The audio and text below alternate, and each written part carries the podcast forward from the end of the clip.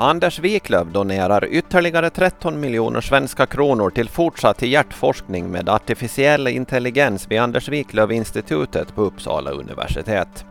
Institutet grundades i februari 2020 då Wiklöf donerade 4,5 miljoner kronor till projektet.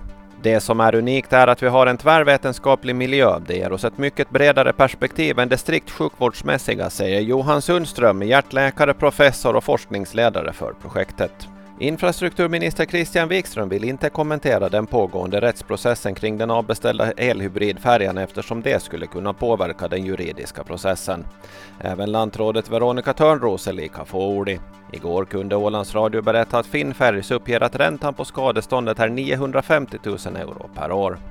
På måndagskvällen körde en person fast i snön med en skoter i Kroklund, Saltvik. Räddningschef Lennart Johansson berättar att Västra Saltviks FBK hjälpte personen till farbar väg där ambulans väntade. Det här var Ålandsnytt på en minut med Ove Sjöblom.